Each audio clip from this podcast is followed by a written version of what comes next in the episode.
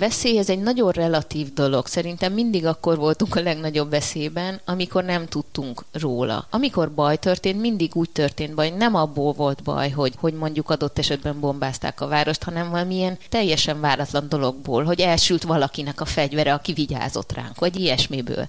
Ezek a dolgok tanították meg nekem, hogy mindig végtelen alázattal kell visszamenni negyedszer is ugyanabba az országba, mert, mert aki elkezd rutinban dolgozni, hogy hát én már évek óta ezt csinálom, tudom mi a járás, az biztos, hogy előbb-utóbb így utoléri valami probléma és baj. Volt, hogy egy ötcsillagos szálloda WC-je mellett aludt egy fotelban egy héten keresztül. Megjárta a legnagyobb háborúkat, Darfurtól Libanonon át egészen Afganisztánig. Robbant mellette bomba, nézték kémnek is, és majdnem meglincselték. A félelmét azonban megtanulta az előnyére fordítani. Erőt merített belőle a legrázósabb helyzetekben is. Ez itt a Selfie, a Szabad Európa podcastja, Bátori Róbert vagyok. Alga Újheszna sok konfliktus zónában járt, azonban sosem nevezte magát haditudósítónak, inkább külpolitikai újságírónak. Fontos volt számára a hitelesség. 12 évig dolgozott az MTV-ben, ahonnan végül 2017-ben jött el, nem bánta meg a döntését. Beszélünk arról, hogy hogyan érintette az, amikor az MTV-ben épp a migránsok ellen úszítottak, miközben ő ott dolgozott és arról is beszélünk, hogy miért hagyja el az országot augusztusban, és hova költöznek a családjával. Összepakoltatok már? Nem. Semmit nem pakoltam még össze, de a listák azok gyarapodnak, hogy milyen elintézendők vannak. Rengeteg az administratív feladat, úgyhogy most egyelőre ezekkel küzdködök, és a pakolást a végére hagyom, mivel úgyis alig lesz olyan cucc, amit ki tudunk vinni, azért így négy-hat bőröndről beszélünk egy évre, tehát gyakorlatilag csak a legszükségesebb ruhákat fogjuk tudni kivinni, ezért ezt nem spirázom túl. Valószínűleg azokat a ruhákat bepakolom, amiket amúgy is használunk most. Mit fogtok kint csinálni? Egy évre terveztek. Én egy Fulbright ösztöndíjat nyertem, egy ilyen kutatói ösztöndíjat, és a Berkeley Egyetemen és egyébként így szerte az országban a posztraumás növekedést fogom kutatni, interjúkat csinálni, egy könyvet szeretnék ebből egy írni, és egy dokumentumfilmet forgatni. Ez az utóbbi még kérdőjeles, mert ugye ez azért nagyobb anyagi forrásokat kíván, amit eddig még nem sikerült százszerzalékosan előteremtenem, de én mindig nagyon optimista vagyok ezekben a dolgokban, és kiforják ezek a dolgok általában magukat. Úgyhogy elsősorban Berkeleyben leszünk, az egész család így kitelepül egy évre. Hát mivel tervezünk forgatni uh, itthonra is, a VMN-re fogunk egy sorozatot készíteni, a Bátorság Labor podcastet most videóformában tervezzük folytatni, izgalmas életutakkal, emberekkel arról, hogy hogyan lehet egy krízisből erőt meríteni. Ebben valószínűleg, sőt biztosan Ervin a férjem is részt fog venni, tehát ilyen mini stábot fogunk alkotni, és ketten fogjuk ezeket leforgatni. Ez nem lesz szokatlan felállás részletekről, nem? Nem, azért a Bábel 37 epizódját is közösen forgattuk, úgyhogy hál' Istennek van mögöttünk tapasztalat. Igaz, hogy ott három főstáb volt, tehát azért ilyen szempontból új lesz a felállás, hogy most ketten leszünk. Remélem nem fog a házasságunk rovására menni. Én nagyon igyek, igyekszem majd ezt elkerülni. De igen, azért van tapasztalatunk a közös forgatásokban, és én szerintem mi nagyon jól tudunk együttműködni, meg közösen gondolkodni. Annyi, hogy este nyolc után itt nem szabad munkába zaglani. Neki van egy ilyen, egy ilyen ö, határ, azt hiszem így a, a, a nap során este nyolc órakor, amikor, ö, amikor mindig azt mondja, hogy na jó, ezt majd holnap. Én meg ilyen éjszakai bagoly vagyok, tehát maximum ebből lehet surlódás, de hát majd így oda kell figyelni. Sokszor dilemma volt nálatok, hogy maradjatok vagy menjetek, most Amerikába költöztök egy évre, de korábban melyek voltak azok a sarkalatos pontok, amikor azt mondtad, hogy pakoljunk és költözzünk, és miért? A politika miatt? Hát igen, azért azt valóban el lehet mondani, hogy az elmúlt, több, elmúlt néhány évben volt több olyan pont, amikor nagyon elkeserített az, az, az a közhangulat, ami itthon volt, és, és ilyenkor mindig elgondolkodtam, hogy úristen, lehet, hogy nem szeretném, hogy a gyerekek egy olyan országban nőjenek fel, ahol intolerancia van, ahol megbélyegzik a külföldieket, most ugye megbélyegzik a melegeket, tehát hogy valóban voltak ilyen pontok, de hát nyilván ez szerintem, ahogy nálatok is, ez egy folyamatos önmarcangoló gondolkodás is, hogy, hogy de ugyanakkor meg, ha elmegyek, akkor meg feladom azt a azt a vágyamat, hogy mondjuk aktív részese lehetek annak, hogy változzon is valami. És azt hiszem, hogy én az elmúlt éveket azáltal, hogy az országot jártam, és nagyon-nagyon sok előadást tartottam a, a félelemről, a szorongásról, aminek nagyon sok aspektusáról beszéltem. Pont tegnap gondolkodtam azon, hogy én ezt valahol lehet, hogy ez egy kicsit ilyen pökhendinek hangzik, de hogy ilyen, ilyen tanításként is éltem meg, tanító szándéka, vagy inkább úgy mondanám, hogy ilyen szemléletformáló szándéka, hogy, hogy tényleg annyira be tudunk szűkülni, és tényleg annyira szűk látókörűen tudjuk látni az életünket, amikor azt érezzük, hogy veszélyben vagyunk, és annyi félelem üzenet ér minket. De itt nem csak a politikára gondolok, mert nyilván ezt látjuk nagyon frontálisan, hogy Magyarországon valóban a kormány nagyon jól játszik azzal az eszközzel, hogy mindig talál egy társadalmi csoportot, egy csoportot, vagy valamilyen problémát, amit, amivel lehet riogatni, és ez egy nem egy új keletű eszköz. Tehát Elliot Aronson és Anthony Pretkenis már a 70-es években megírta a rábeszélő gépet, ami pontosan arról szól, hogy ez egy rendkívül hatékony befolyásolási eszköz, amit évezredek óta használunk. És ebben nincs semmi új. Talán ami új most, manapság, ezekben az években, hogy most az internetnek hála egy ilyen szuperszónikus strádára kerültek ezek az üzenetek, nem csak Magyarországon, mert ha megnézzük, azért a világ nagyon sok pontján ugyanezt csinálják, és ezáltal a bőrünk alá is bekúsznak ezek az üzenetek, és akkor is hatnak ránk, amikor azt gondoljuk, hogy nem hatnak ránk. Sőt, különösen akkor hatnak ránk, amikor azt gondoljuk, hogy, hogy mi rólunk lepattannak ezek, mert, mert ezek nem pattannak le. És pontosan akkor nyúlunk ezekhez az információkhoz, amikor az életünket veszélyben érezzük. És azért nagyon hatékony ez, mert amikor beszéddetektál az agyunk, akkor a hüllőagyunk kapcsol be, ami az önvédelemért felelős, a túlélésért, és ilyenkor nem a szofisztikált polcokra nyúl. És ezért is van az, amikor, amikor félünk, és valami veszélyt érzünk, akkor bekapcsol a hüllőagy, ez az üs vagy fuss reakció, akkor sokszor olyan, olyan reakciót hoz ki belőlünk, ami nem feltétlenül megfelel az él, értékrendünknek. És, és közben sokszor nem is tudatosul, hogy félünk. Úgyhogy én az előadásaimban mindig azzal szoktam kezdeni, hogy, hogy figyeljük meg, hogy mit érzünk, amikor félünk. Foglalkozunk a testi érzeteinkkel, hogy hol lüktet, hol szúr, mert sokszor a testi érzetek hamarabb jelentkeznek, mint hogy a tudatunkba eljutna az érzés. És hogyha észrevesszük, hogy félünk, és nem szégyeljük, hogy félünk, mert ez a második ösztönös reakció, hogy elkezdjük szégyelni, hogy félünk. Hogyha észrevesszük és elfogadjuk, hogy félünk, önmagában ezzel a helikopter perspektívával ki tudunk jönni a hüllőagyból, és meg tudjuk választani a válaszunkat. És ez azért fontos, mert hogy visszakanyarodva a gondolathoz, nem csak a politika, hanem a marketing, a gyógyszergyártók, gyakorlatilag a, a szomszéd fűszeres is félelemmel manipulál minket, mert egymást is sokszor félelemmel manipuláljuk, sokszor észre se vesszük. Mert ez egy nagyon hatékony befolyásolási eszköz, amikor valamit el akarunk érni.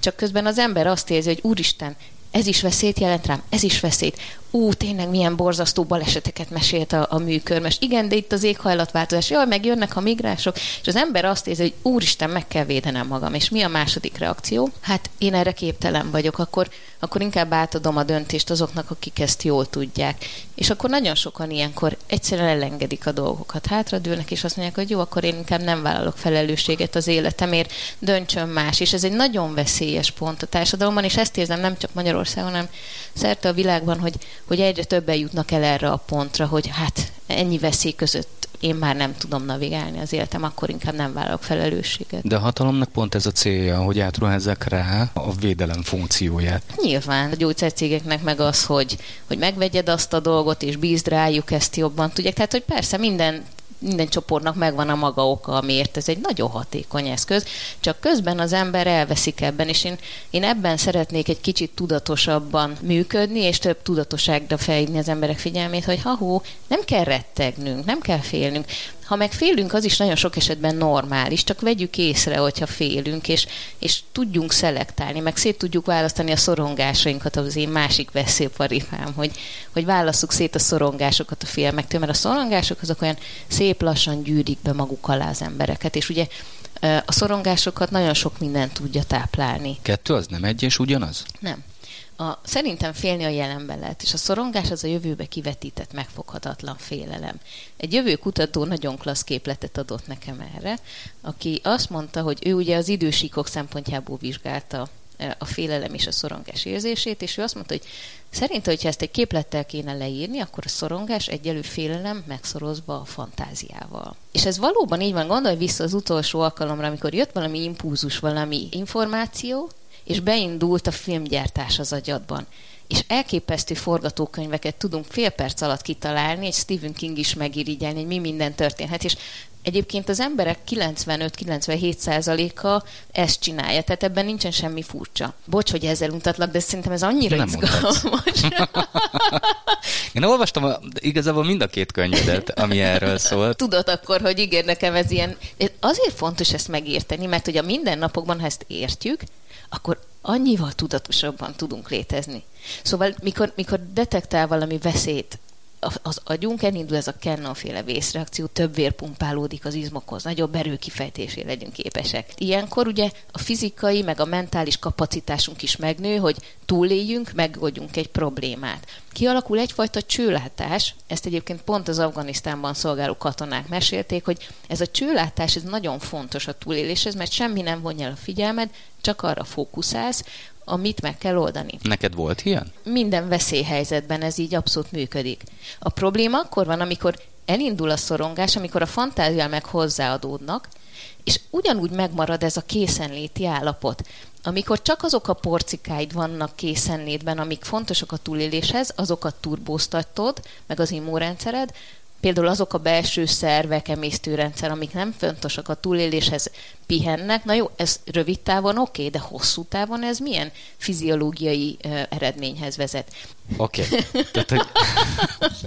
Mondhatok -e ez egy személyes sztori? Persze. Most tök más irányba kezdem elvinni, látom a beszélgetést, mint akartam. Csak, Nem vagy. Csak szerintem, szóval ezek az alapjai annak, uh-huh. ahogy én működöm, és és azért nem hagylak szóhoz jutni, de nyugodtan áll is le. Rajtam van egy ilyen példát. plégom. Ez ilyen szakmai ártalom.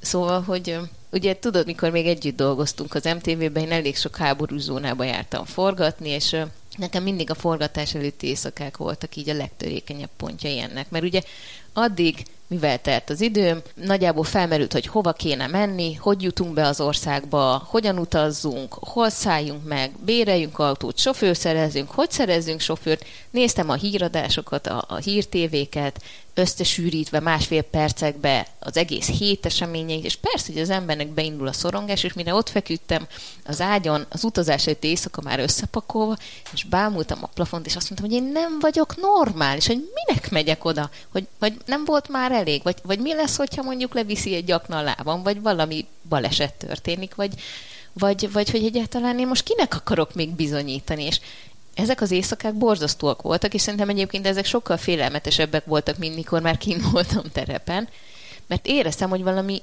valami megfoghatatlanba, kontrollálhatatlanba ugrok bele. De ilyenkor tudod, mit mondtam mindig magamnak, hogy ha már kétszer, háromszor, négyszer hazajöttem ilyen helyekről élve, akkor miért ne jönnék most is haza? És ez egy nagyon butának hangzó kis önmegnyugtatásnak hangzik, de amikor a félbátrant elkezdtem írni, amit ugye, amiben ugye a félelem különböző aspektusait és folyamatait vizsgálom, akkor rájöttem, hogy amit én tudat alatt magamnak mondtam és sugaltam ezzel, az az volt, hogy az élet tele van kontrollálhatatlannak tűnő, és tényleg kontrollálhatatlan dolgokkal, mert hogy nem kell elhagynunk tulajdonképpen már a házunkat sem ahhoz, hogy, hogy adott esetben veszélyhelyzetbe kerüljünk.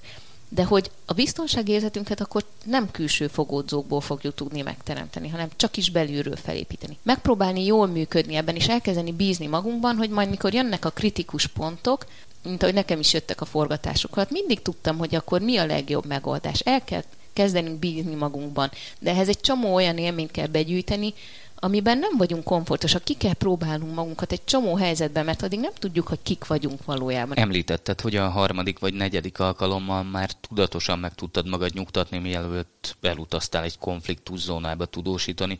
De milyen volt a legelső haditudósításodkor? A legelsőnél meg az az elképesztő ilyen energia, az a kíváncsiság, hogy wow, Darfur volt az első ilyen konfliktuszóna, ahova mentem, és azt kell tudni erről, hogy én akkor már azért hosszú évek óta külpolitikai szerkesztőként dolgoztam, először a Népszabadságnál, és utána kerültem a tévéhez. Tehát, hogy én, én igazából éveket töltöttem azzal, hogy híreket szerkesztettem tudósítások alapján ezekről a konfliktusokról.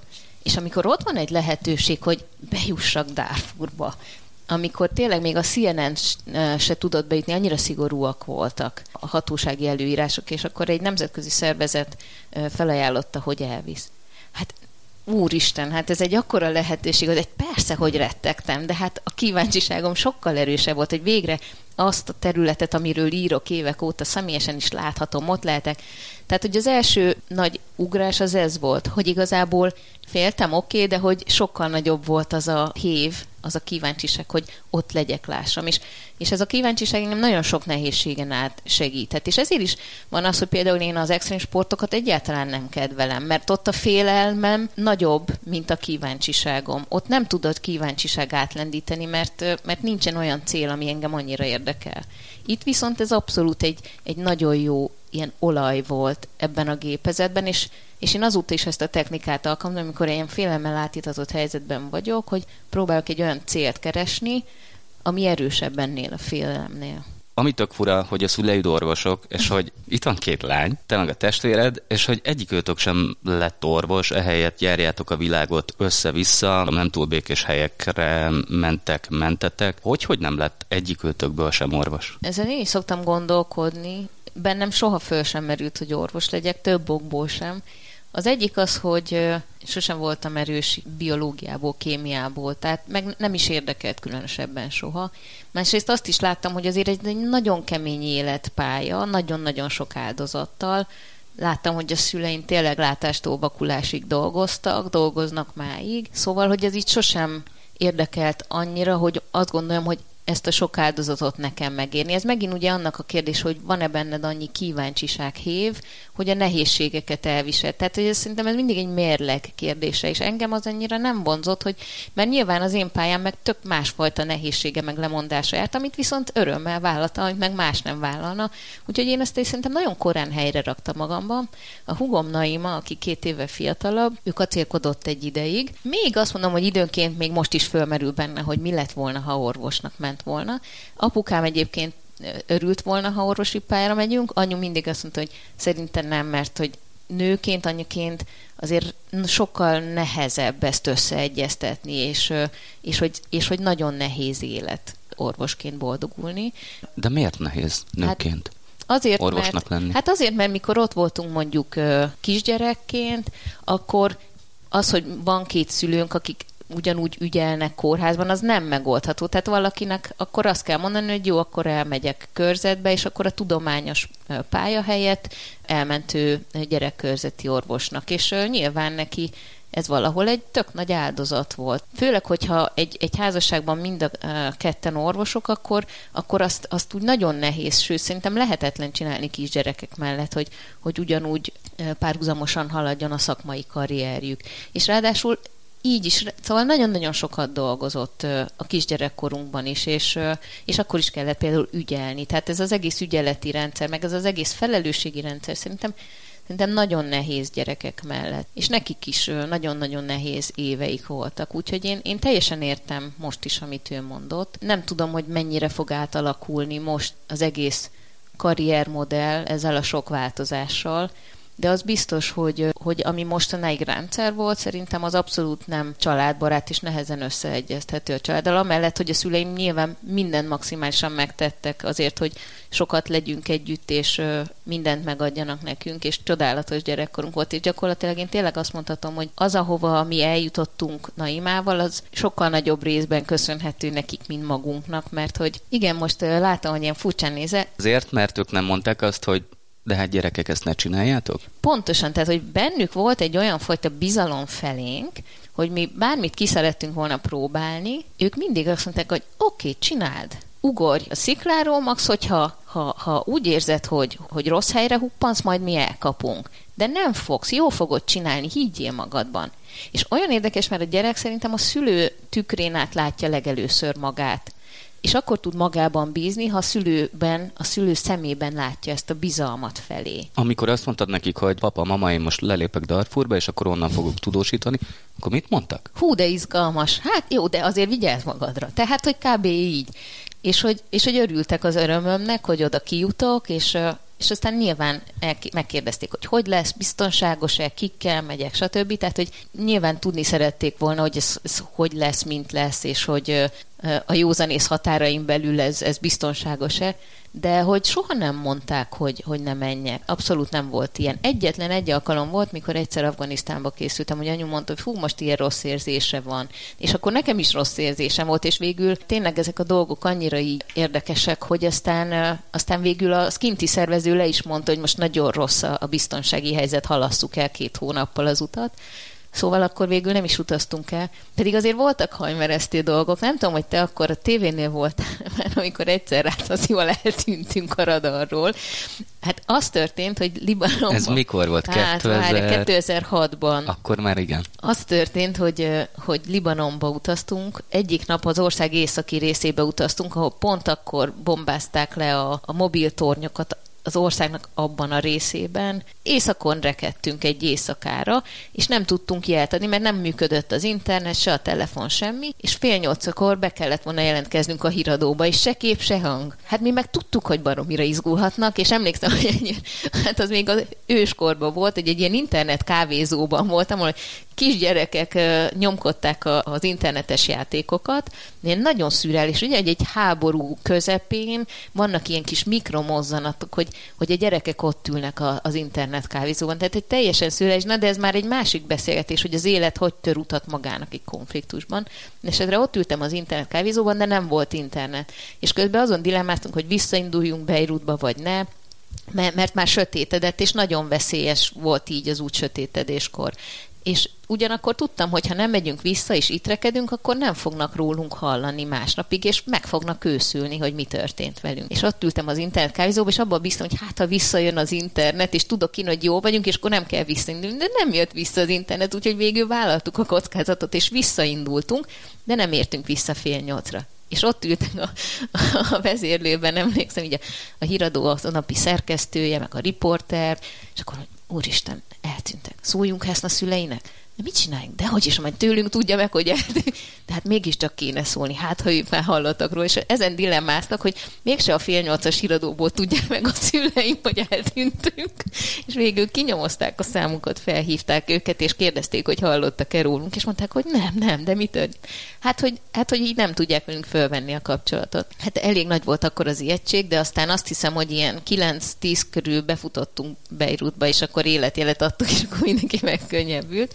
Szóval voltak ilyen izgalmas kis etapok, de, de azért a nagyrészt én nagyon figyeltem arra, hogy minden nap adjak életjelet magamról, meg, meg biztosítsam őket, hogy, hogy jól vagyunk. Meg azért mindig elmondom, hogy tehát az emberek úgy képzelik el azt, hogy elindul az ember egy háború zónába forgatni, hogy elindul, átlépi a határt és beáll a golyózámorba, de hogy ez nem így van. Tehát, hogy minden országban vannak egy háborús területen kockázatosabb terepek, kevésbé kockázat, biztonságosabb zónák, és, és nyilván egy csomó döntést ott is kell hozni, hogy mi az, amiért vállalod a kockázatot, hogy bemész egy olyan részére a városnak, amit bombáznak. Mert nyilván, ha már ott vagy, be akarsz menni, de hogy egy csomó ilyen apró döntés, még ott is, apró döntési pont ott is van. Ezzel nem azt mondom, hogy persze nagyon sok veszélyes helyzetben voltunk, de közben azt gondolom, hogy ez a veszély, ez egy nagyon relatív dolog. Szerintem mindig akkor voltunk a legnagyobb veszélyben, amikor nem tudtunk róla.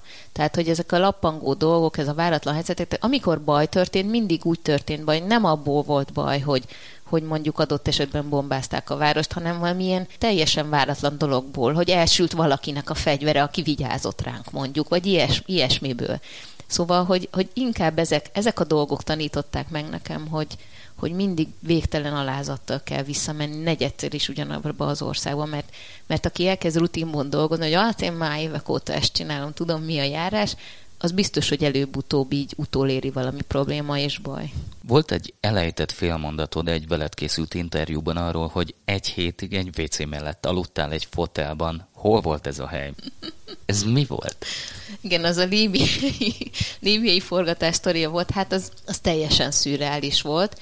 Ugye Líbiába kétszer utaztunk ki, a felkelés elején és a vége fele. Ez a második etap volt, amikor már Tripoliba mentünk. Tulajdonképpen ez a Kadafi rezsim, rezsim utolsó heteiben volt, amikor újból elkezdett az egész nemzetközi sajtó Tripoliban tömörülni, ahol összesen két szálloda volt megnyitva. De hát a világ minden részéről két szállodában próbálták elszállásolni a, a sajtósokat. Hát mikor mi megérkeztünk, akkor már a szállodába se akartak minket beengedni. Mert tudták, hogy ha betesszük a lábunkat, onnan már nem fogjuk kitenni, csak forgatni, és a tudcunk benn marad. Kiderült, hogy, hogy akkor már olyan sokan voltak bent, hogy nagyon ilyenkor érdekes, hogy nagyon megindult az újságírói szolidaritás. Tehát láttam példát erre is, arra is, de ott nagyon összetartott a sajtó, és osztoztak, nem tudom, sokszor két-három stáb is egy hotelszobán, hogy mindenki valahol legalább a földön tudjon aludni. Mire mi oda jutottunk, már a földön se volt hely szó szerint. És nagy nehezen végül beimádkoztam magam a, a szállodába. Tényleg akkor már így szó szerint a, a halban lévő kis, kis fotelekért folyt a harc, hogy ki melyik fog aludni, mert hogy közben kint orvlövészek voltak, és végig ezért engedett be mindenkit a szálloda, mert hogy volt, hogy a szálloda környékén az utcán lőttek le embereket. Az történt, hogy, hogy bejutottunk a szállodába, ott volt ez a műholdas állomás is, ezek a műholdas állomások háborúról háborúra járnak, a nulladik naptól ott vannak, és ezeken keresztül lehet az újságíróknak bejelentkezni az adott híradókba. És itt a szállodában volt a műholdas állomás is. És emlékszem, hogy mondtam Rácz Lacinak, hogy hát, hogy ez így hogy lesz, hogy most akkor próbáljunk valakinél szállást találni, de ezért egy, egy, egy konfliktus közepén ez nem egy biztonságos megoldás. És akkor még volt ott más magyar sajtós is velünk, tehát így többen voltunk, és dilemmáztunk, hogy nem most aludjunk a folyosón, de mi lesz a felszereléssel? Az, az a sok értékes cuccat, az hova rakjuk meg? Megmondom, én nem akarok a földön aludni, ne csináljuk már. Na hát aztán körülbelül egy óra múlva beláttam, hogy örüljek, hogyha a földön tudok aludni, de már csak a, ez egy ötcsillagos szállodát kell elképzelni, ahol többen van az egész újságíróval, mindenhol tényleg ilyen, ilyen sátortábor feeling, és végig a műholdas állomással jóba lettünk az ott dolgozókkal, és sikerült őket meggyőzni, hogy vigyázzanak éjszakára a felszerelésünkre, meg amikor nem vagyunk a hotelben. Úgyhogy ezt kipipáltuk, és aztán a WC mellett találtam végül egy olyan ilyen két összetölt fotelt, ami luxus volt, amin tudtam aludni. Ami egyébként teljesen szürreális, igen, hogy az ember egy ötcsillagos szállodában a folyosón alszik, ráadásul bosszút akartak állni rajtunk a hotel munkatárs, egy ilyen pofátlanul betüremkedett oda a sajtó, és egész éjszaka Szelindion tüvöltették, úgyhogy borzasztó volt, hogy vagy fegyverropogásra, vagy Szelindionra ébredtem. A harmadik napig, amikor már inkább az orfacsaró bűz miatt nem tudtam aludni, ugyanis eldugult a WC, és az én befoglalt fotelem az a WC mellett volt.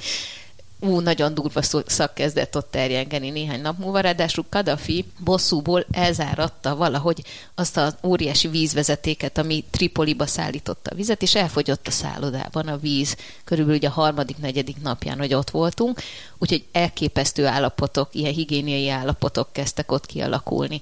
Na most mindezt képzeld el úgy, hogy neked napközben ki kell menned 40 fokban, 18-19 kilós golyóálló mellényben óriási páratartalom mellett forgatni. Volt, hogy olyan helyen forgattunk, olyan kórházban, ahol ott, hagytak, ott, ott hagyták az embereket meghalni. Tehát, hogy ilyen elképesztő tehát, hogy nehéz leírni azokat a szagokat, azokat az érzéseket, vagy egy olyan raktárban, ahol felgyújtottak 120 embert, és mi, mit tudom én, azt hiszem 10 órával később értünk oda. Tehát, hogy borzasztó. Olyan szagok és olyan élmények kötődnek máig ehhez, hogy, hogy, hogy szerintem ez, ez nem tudom, hogy valaha föl lehet dolgozni, de, de hogy nagyon nehéz. Érdekes, hogy nekem mindig ezek utólag csapódtak le, tehát ott a helyszínen valahogy ahhoz, hogy tudjak épészel dolgozni, nekem volt egy, egy ilyen láthatatlan kapcsolat a fejemben, tehát hogy ott, ott, ott tudtam úgy dolgozni, hogy nyilván sokkoltak ezek, de nem, nem blokkoltak. És aztán vagy mikor visszatértünk a szálláshelyre, akkor jött elő ez a, ez a negatív zuhany, vagy sokkal inkább, mikor hazajöttünk a forgatásról, és akkor elkezdtem visszanézni a felvételeket, és kicsit lejjebb ment ez, a, ez az összadrenalin szint, ez a készenléti állapot kicsit csillapodott, és akkor zuhant rám. Szerintem ezek életem végéig velem maradnak, ezek az élmények. Biztos, hogy a feldolgozásban rengeteget segített az, hogy írtam a félelemről egy könyvet, hogy sok előadást tartok, beszélek ezekről az élményekről. Ugye amikor kénytelen vagy verbalizálni a benned kavargó érzéseket, akkor azzal már egy fontos lépést teszel a feldolgozás útján. De azért a rémálmok nagyon sokáig gyötörtek, tehát hogy máig emlékszem, az egyik legdurvább rémálmom az az volt, és ez már két évvel az események után, vagy három évvel, hogy Kadafi kerget egy késsel, és el akarja vágni a torkom, és abban a hotelben, ahol laktunk, tök üres volt, és ott kergetett, és egy üveglibben menekültem előle. Szóval Szóval ezek azért visszatértek, és nagyon sokáig nagyon komoly rémálmaim voltak, amiben mindig menekültem.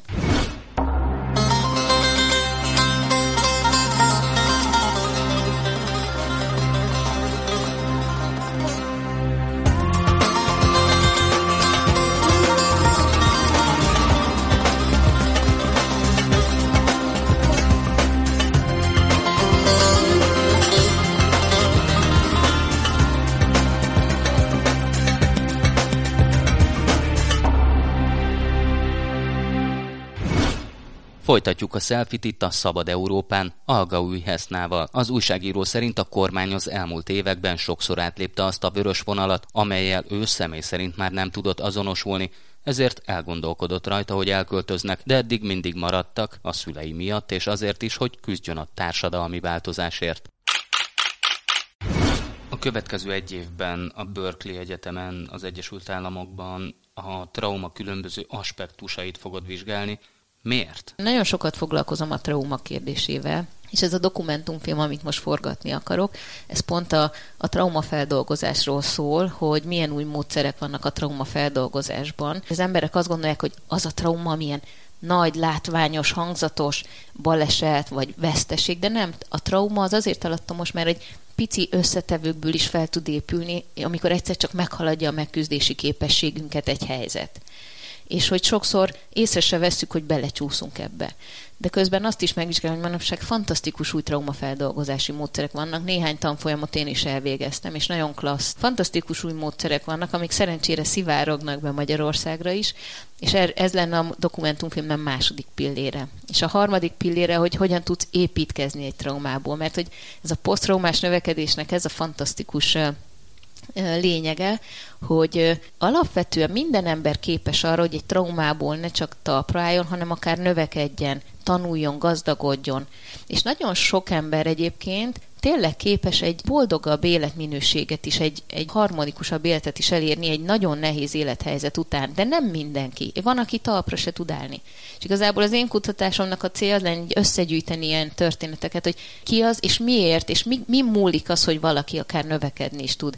És ez azért jó, mert ahogy megtaláltam ezt a témát, és visszanéztem azokra az emberekre, akikkel interjúztam, akár Bábelben, akár így a háborús tudósítós évek során, rájöttem, hogy én csupa ilyen embert gyűjtögettem mindig, hogy valahol tudott alatt engem mindig ez érdekelt, hogy valaki egy nehéz helyzetből hogyan tud fölfele építkezni. És hogy, és hogy most nagyon érdekes ezeket az interjúimat ilyen szemmel visszanézni, de nyilván Amerikában most ennek a tudományos oldalát fogom kutatni, hogy, hogy mik azok az összetevők, mert hogy, mert hogy alapvetően én hiszek abban, hogy biztos ne, némileg függ ez a genetikától, vagy attól, hogy hol, milyen családban, milyen szemléletmódban növünk fel, mert mindenki hoz egy batyút. De biztos vannak olyan komponensei, amik csiszolhatók, amik, amikre a gyerekeket talán tudjuk egy kicsit trenírozni, olyan irányba tologatni, és ha ez így van, az egy nagyon jó hír, mert hogy az elmúlt másfél év bebizonyította, hogy most nagyobb szükségünk van erre a lelki alkalmazkodó képességre, mint valaha. Tehát, hogy nagyon sokszor ilyen apró dolgokon is múlik, hogy, hogy egy gyereket mondjuk egy ilyen, egy ilyen kritikus helyzetben hogyan tudjuk a szemléletmódját megerősíteni, hogy kihívásként, ne problémaként nézem valamire, vagy hogy ne tekintse magát áldozatnak. Mert ilyen, ilyen kis komponenseket találtam például, hogy, hogy azok, akik növekedni tudtak, nem tekintettek magukra áldozatként. Vagy hogy mindent megtettek, hogy a kontroll érzését valamilyen módon visszahozzák, legalább részben az életükbe. Szóval, hogy vannak ilyen kis komponensek, amik szerintem tanulhatóak. Rengeteg konfliktuszónából tudósítottál, de valahogy mégsem nevezed magad hadi tudósítónak. Miért nem? Magyarországon sokan sok mindent megadnának azért, hogy hadi tudósítónak hívhassák magukat. Valahogy nem tudom, talán azért, mert hogy találkoztam olyan igazi haditudósítókkal, tehát tényleg vannak olyan emberek, akik az év 300 napján háborúról háborúra járnak, és először az amerikai hadsereggel Afganisztánban vannak, utána átmennek, nem tudom, mikor Irakban volt a háború, akkor Irakba, és tényleg gyakorlatilag ebből áll az életük. Tehát, hogy az én szememben ők a haditudósítók, nekem a legjobb esetben is azért egy évben olyan három, max. négyszer volt alkalmam utazni, mert ez egy rendkívül költséges műfaj volt mindig. Ugye egy, egy konfliktusban, egy háborús területen napról napra mennek föl az árak, a hotelek ára, amik még beengednek embereket és nem zárnak le, a sofőrök, akik az életüket kockáztatják helyiként, és akkor ott vannak ezek a nagy stábok, srófolják fel az árakat, ugye mi meg kis távként, kis magyar távként mindig okosba kellett mindent megoldanunk, tehát azt hiszem, hogy a diplomáciai készségemet a maximumra kellett fejleszteni, hogy tényleg tudjunk létezni és navigálni kis büdzsével, kis távként ezeken a helyeken. És azért ez egy, mivel ez egy rendkívül költséges és rendkívül kockázatos dolog, mert kimehetsz, és lehet, hogy aztán egy kockát nem fogsz tudni forgatni, mert éppen olyan a helyzet, mert volt olyan, hogy, hogy nem adták meg a forgatási engedélyt csak az utolsó két napra, és akkor ilyen eszeveszett módon próbáltunk mindent behozni. Tehát, hogy ez mindig benne van a pakliban, ezért azért egy nem hírtelevízió, ugye a Magyar Tévé, ahol én annak idején dolgoztam, nem hírtévé volt, nem engedhette meg magának, hogy hogy én folyamatosan non-stop utazzak, Úgyhogy én inkább mindig úgy hívtam magam, hogy egy, egy tudósító, aki időnként háborús helyekre jár. Nem tudom, lehet, hogy az, hogy nő vagyok, meg pici vagyok, meg nem tudom, meg fiatal voltam, vagy vagyok? Nem, vagy, nem. Vagy. mindig ez egy ilyen érdekes volt, hogy, hogy nehogy, nehogy így beletoljanak ebbe a... Tudod, szóval meg volt a veszély ebbe a skatujába, meg hogy a, a bulvár ezt úgy, úgy kapja fel, hogy, hogy na, ez a kis törékeny, kis csaj a kéz. Tehát, hogy nem akartam ebből ilyen szenzációt, úgyhogy mindig inkább lefele toltam ezt, a, ezt az imidzset, hogy, hogy, én, egy, hogy én, a, a szakmaiságomat meg tudjam őrizni, és ez a, ez, ez a haditudósítói címke nekem akkor ezt a veszélyt hordozta, hogy, hogy abból inkább egy ilyen szenzációs valami, mint egy külpolitikai tudósító lesz, és nekem fontosabb volt a hitelességem megőrzése annál. Így utólag már egyébként szoktam mondani, hogy igen, háborús tudósítóként dolgoztam, vagy inkább úgy, hogy háborús tudósítóként is dolgoztam, de akkor, akkor, akkor én erre nagyon figyeltem, és volt is olyan, hogy fe, felhívtak a terepen bulvárlapok, és hát volt olyan, hogy egyszer azt hiszem, hogy majdnem egy órát faggatott az egyik lap talán Líbiában voltam, igen, Líbiában. És nekem mindig fontos volt az, hogy minél több ember értesüljön erről, mert hogy minél szélesebb körben nyissam ki azt a, azt a kaput, amin az emberek megtudják, hogy mi történik a világban. Úgyhogy én sosem mondtam nemet ezeknek a lapoknak, uh-huh. És ennek az újságírónak is majdnem egy órán át beszéltem aranyáron Líbiából, és próbáltam úgy csomagolni az információt, hogy hogy átmenjen és, és, és tudjon belőle jó anyagot csinálni, és egy sor nem jelent meg abból, amit mondtam, hogy megjelent egy ilyen négy soros cikk, azt el is raktam, hogy Algaui Heszna, a líbiai felkelők szóvivője azt nyilatkozta lapunknak, hogy... Szóvivője? Igen. Emlékszem, a Kert Attila hívott fel, hogy láttam-e, és akkor, ú, hát azon nagyon röhögtem. Hát azért valószínűleg nem direkt, tehát hogy valami gyakornok írhatta ezt az egészet, akinek a nevem nem sokat mondott, és akkor valószínűleg hát biztos valami szóvivő volt. szóval, hogy igen, volt ilyen. Szóval mindig vigyáztam arra, hogy hogy a hiteles, azért én édesapám szíriai, édesanyám magyar, és mivel a közel-keletre szakosodtam, nekem három-négyszeresen oda kellett figyelni arról, hogy elfogulatlan legyek, hogy megtartsam a kellő távolságot, és olyan érdekes, hogy... Nehéz volt? Na, nem. És most sokkal nehezebb, és a Bábel alatt sokkal nehezebb volt közel menni. Tehát nekem annyira átitatta a lényemet az, hogy megtartani a három lépés távolságot, közszolgálatiság, objektivitás, mindig patika mérlegen mérni, de úgy, hogy közben azért a, sokszor ugye a patika mérleg is befolyásolja a valóságot, hiszen ha már te pakolsz súlyokat, hogy a végén a produktum kiegyensúlyozott legyen, már lehet, hogy azzal torzított. Tehát, hogy ez mindig egyéni elbírálás és sok álmatlan éjszaka eredménye, hogy megtaláljam azt, hogy mit gondolok azt, hogy ez, ez, ez így jó. Nyilván ezt akkor lehet jól csinálni, ha minél több embert megkérdezel, minél több oldalról. De hogy nekem nagyon-nagyon oda kellett figyelnem, és akkor elindult a Bábel, és szubjektivitás kellett volna, és belemenjek, stb. Hát én vért izzadtam, mert hogy annyira bennem volt, hogy én nekem ott kell, hogy legyen az a három lépés távolság, és az sokkal nehezebb máig, mert hogy azért nem tudom, tíz évig híradóztam, az nem múlik el nyomtalanul, és, és ez volt az első élményem, tehát hogy ez, ez, ez volt nekem a standard. Ervinnel, a férjeddel hol ismerkedtetek meg? Az a furcsa, hogy bár mi dolgoztunk együtt, de ezt a sztorit soha nem mesélte el, hogy Afganisztánban kérte meg a kezed egy konténerben? Igen, ez így van. Igen, mert hogy tulajdonképpen mi Afganisztánban találkoztunk először mikor egy út során, ugye Bendalaci imádott kollégám, aki egyébként mindig Afganisztánból tudósított, és ő nagy-nagy tudora máig ennek az egész térségnek, egyszer azt mondta, hogy van egy út decemberben, amire ő most nem tud kimenni, és hogy ha akarok, nyugodtan menjek, és hát tulajdonképpen Bendalacinak köszönhetem így, hogy megismerkedtem Ervinnel, mert hogy ő akkor a Neo, Neo FM-nek volt a technikai vezetője, és ő a Winkler Robival, aki tudósított kintről, szintén kiutazott Afganisztánba, hogy tudósítsanak onnan. Én meg ugye panorámásként mentem ki, és hát kint megismerkedtünk, és hát elindult egy ilyen romantikus szál az életünkben, és akkor hazajöttünk, akkor, akkor egy pár lettünk, és utána indult el a Bábel, amiben kiderült, hogy akkor klassz lenne egy forgatás Afganisztánba, és gyakorlatilag ugyanabba a táborba mentünk vissza, ahol mi először úgy igazán beszélgettünk. Hát Ervin így előre gondolkodott ezen, hogy hát ez, ez, ez, ez nem lehet csak úgy véletlen, hogy mi oda most visszamegyünk, és, és hát előre megvette a gyűrűt, amit ugye Afganisztánban azt hiszem, hogy csak a második héten mentünk ebbe a táborba, úgyhogy egy héten át rejtegetett a hátizsákban, és rejtegette, hogy elveszítse valahol. És aztán, amikor ott voltunk abban a táborban este, szerzett gyertyát a, a katonáktól, és hát abban a konténerben, ahol el voltunk szállásolva, megkérte a kezem, úgyhogy nagyon romantikus volt.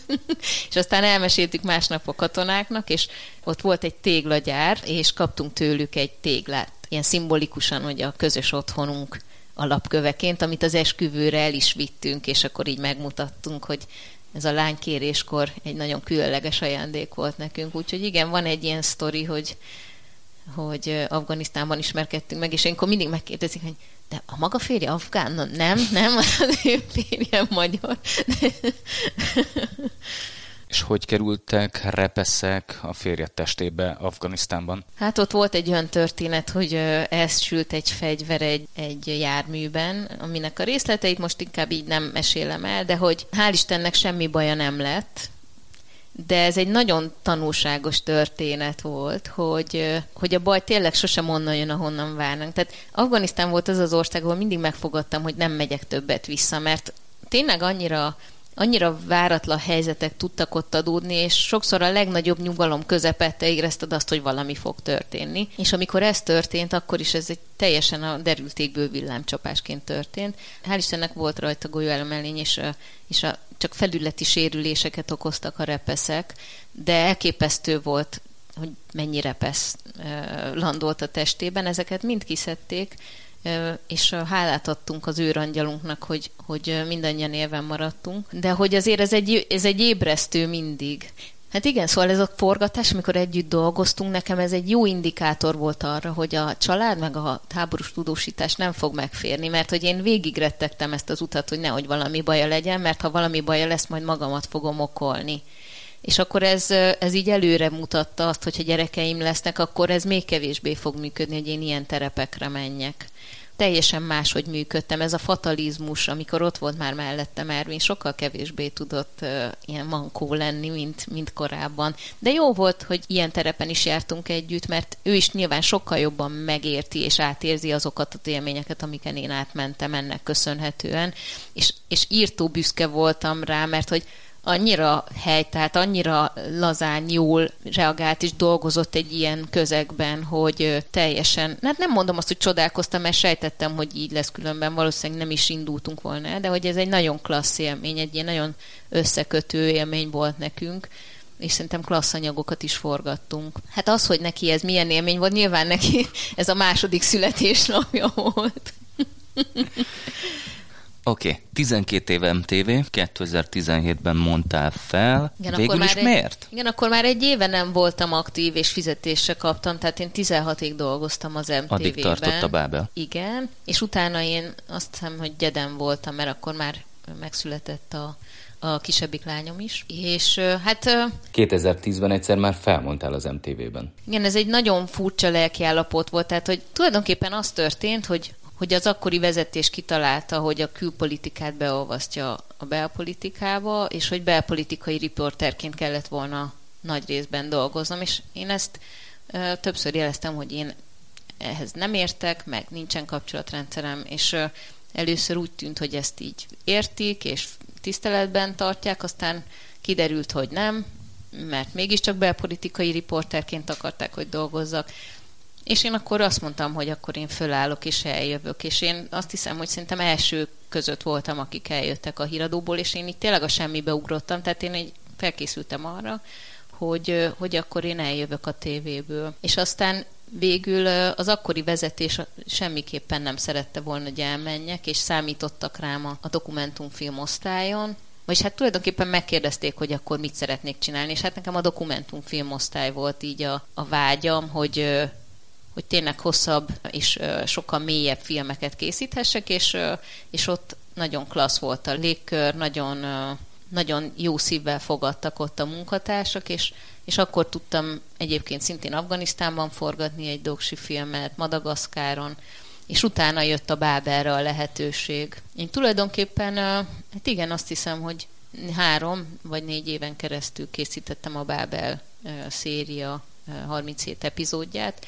és, és azt gondolom, hogy tényleg fontos témákról, és soha nem szólt ebbe bele senki, tehát egy teljes szabadságot kaptunk ebben, ami egy nagyon fontos és kritériumpont volt nekem ebben. És aztán amikor kezdett tényleg gyökeresen megváltozni a közhangulat is Magyarországon, meg úgy éreztem, hogy már nem vállalható a számomra, amit a tévé képvisel, akkor felmondtam. Ebben volt nyilván egy átfedés, mert még a Bábel Szíria utolsó szériáját forgattuk, amikor ez az egész migráns kérdés nagyon előtérbe került, és ez egy nagyon nehéz pont volt számomra. Éppen San Franciscóban forgattunk a meggyőzés és a befolyásolás erejéről Anthony Pretkenisszel és, és Elliot Aronzonnal, amikor volt egy nagyon kritikus pont, és akkor és ez nagyon megviselt lelkileg, hogy ebben a helyzetben mi a felelős döntés. És mivel pont azt éreztem, hogy ha valaminek van értelme ebben az egész Bábel szériában, a 37 epizódban, akkor ez az utolsó széria, amit éppen forgatunk, ami arról szól, hogy hogyan élünk buborékokban, hogyan kell kitörni a vélemény buborékokból, hogyan befolyásolnak minket a félelemmel, hogyan, hogyan vállaljuk a konformitást, és, és például egy saját kísérletet leforgattunk, az S kísérletnek a, a remake-jét, hogy, hogy saját ö, ö, kis ö, stába, hogy, hogy tényleg az emberek 37%-a, hogyha tudja, hogy rossz választad, akkor is rossz választad, ha mindenki más azt a választ mondja, mert fél konfrontálódni, fél kiállni azért, amiben hisz, amit tud, mert hogy még egy alkalmilag összeverődött közösségben is félünk sokszor felvállalni a véleményünket, mert nem akarjuk, hogy kitaszítson minket. Ugye az, az ember bármire képes évezredek óta azért, hogy ne kerüljön ki egy közösségből, vagy hogy bekerüljön oda. És hogy 37%-a az embereknek, ugyanúgy, mint esnél, nálunk is ugyanez a százalék jött ki, képes volt rossz választ adni. Tehát azt gondolom, hogy ez a széria, ez olyan mondani valót tartogatott, hogy azt gondoltam, hogy ezt szerintem nagyon fontos mindenkinek látnia, és, és amíg lehetőségem van arra, hogy ilyen műsorokat készítsek, és ezt a mondani valót eljutassam, addig nekem ez kutya kötelességem, amíg ezt szabadon megteltem. És amikor már nem volt erre lehetőség, mert lement ez a széria, és nagyon klassz volt a fogadtatása, akkor úgy éreztem, hogy akkor számomra itt már nincs több tennivaló, akkor olyan helyen folytatom az én pályafutásomat, ahol ahol ugyanilyen értékes dolgokat tudok folytatni. Nagyon nehezen érintett az, amit, amit láttam és hallottam a tévében, és én ennek többször hangot is adtam, és ugyanúgy posztoltam a az úszólányról, ugye a, a szíriai úszólányról, amikor nem, már nem emlékszem pontosan mi volt, talán az, hogy, hogy nem mondták be a nevét egyszer, és, és én, én azt gondolom, hogy ez, amíg ott dolgoztam is többször a, a social média felületeimen, ugyanúgy elmondtam a véleményemet, ezért soha, ez soha nem kérte rajtam számon ott senki. Tehát, hogy én az, azért nem szeretek így kvázi, ez egy csúnya hogy visszaköpködni, mert nekem tényleg olyan lehetőségek voltak akkor ott az MTV-ben forgatni, olyan témákban, amik szerintem univerzálisan fontosak, és nagyon fontos volt, hogy ahhoz a közönséghez is eljusson, aki a Duna TV-t vagy az MTV-t nézte, és amikor már erre nem volt lehetőségem, akkor eljöttem. Ugye augusztus 11-én költöztök ki az Egyesült Államokba, egy évre szól ez az ösztöndíj, látsz arra sanszot, hogy esetleg nem jöttök vissza Magyarországra? Benne van a pakliban? Hát azért sincs, mert a Fulbrightnak olyan feltételrendszere van, hogy két évet annak is muszáj újra itthon töltenie, aki egyébként utána vissza akar menni. Tehát már csak ezért se. Másrészt nekem is fontos, hogy a tudást hazahozzam, és ezért is fogok egyébként kintről is műsort készíteni, mert nekem fontos az, hogy az, amit ott megtudok, megtanulok, azt tovább is adjam. De nem tartom kizártnak, hogy fogunk máshol élni. Tehát, hogy hazudnék, ha azt mondanám, hogy bennem nem merült fel, hogy hú, tehát megmondom őszintén, hogy vannak ilyen vörös vonalak. A felsőoktatás kezelése és kvázi kiszervezése most az utóbbi napokban, és ez a meleg törvény nekem ilyen, vagyis, a, vagyis nem meleg törvény, hanem a melegeket is érintő pedofil törvény, ami, ami nyilván nem arról szól, mint amiről szólnia kellene. Nekem ilyen vörös vonal, tehát, hogy nekem bekapcsolt az a, az a jelző, hogy biztosan szeretném, hogy itthon szocializálódjanak és nőjenek föl a gyermekeim, hogy milyen közösség lesz, és nyilván ez félig szíriaiként egy, egy plusz dimenziót ad ehhez az egészhez. Ugyanakkor meg, meg bennem van az is, hogy nyilván nagyon szeretném azt, hogy én is tudjak formálni a szemléleten, és, és van bennem egy ilyen missziós tudat. És ez a kettő egyszerre dolgozik bennem. És egy picit úgy vagyok ezzel az évvel, hogy most egyáltalán nézzük meg, hogy hogy tudunk kint élni. Én, én nagyon-nagyon a családomhoz ragaszkodó típusú ember vagyok, és a szüleim itthon élnek, és nagyon nagyon sokat együtt vagyunk, nagyon nukleáris család vagyunk. Igaz, hogy a hugom, Naima, ő ugye a Nemzetközi Vöröskeresztnek dolgozik, ezt nem mondtuk el, ugye, Igen. és ő most éppen Kenyába költözik a napokban, és ott fog nagyon izgalmas munkát végezni, szétszakadt családok egyesítésének a különböző programjain fog dolgozni, meg ennek a hátterét kidolgozni, hogy hogy lehet ezt hatékonyabban csinálni. A humanitárius jog betartását felügyelte börtönökben éveken át, tehát hogy nagyon izgalmas munkái voltak neki is.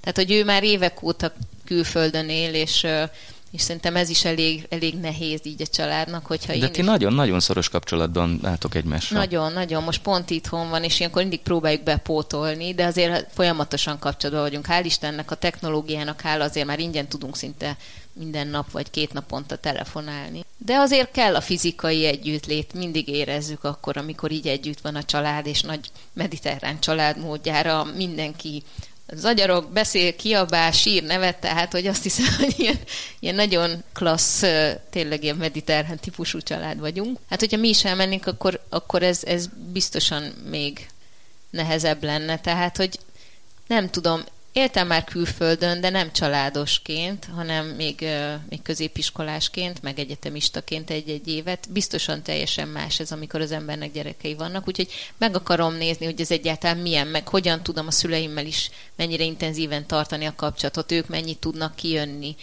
Szóval, hogy sok kérdőjel van, uh-huh. ez egy jó tapasztalás lesz. Szóval nem zárom ki, hogy fogok külföldön élni, de nem tudom, most, most ez egy ilyen tesztüzemmód, megnézem, innen mindenképpen haza fogunk jönni szerintem, aztán meglátjuk, hogy hogy, hogy alakulnak a dolgok. Ez volt a Selfie, a Szabad Európa podcastja. Bátori Robertet hallották. Köszönöm figyelmüket!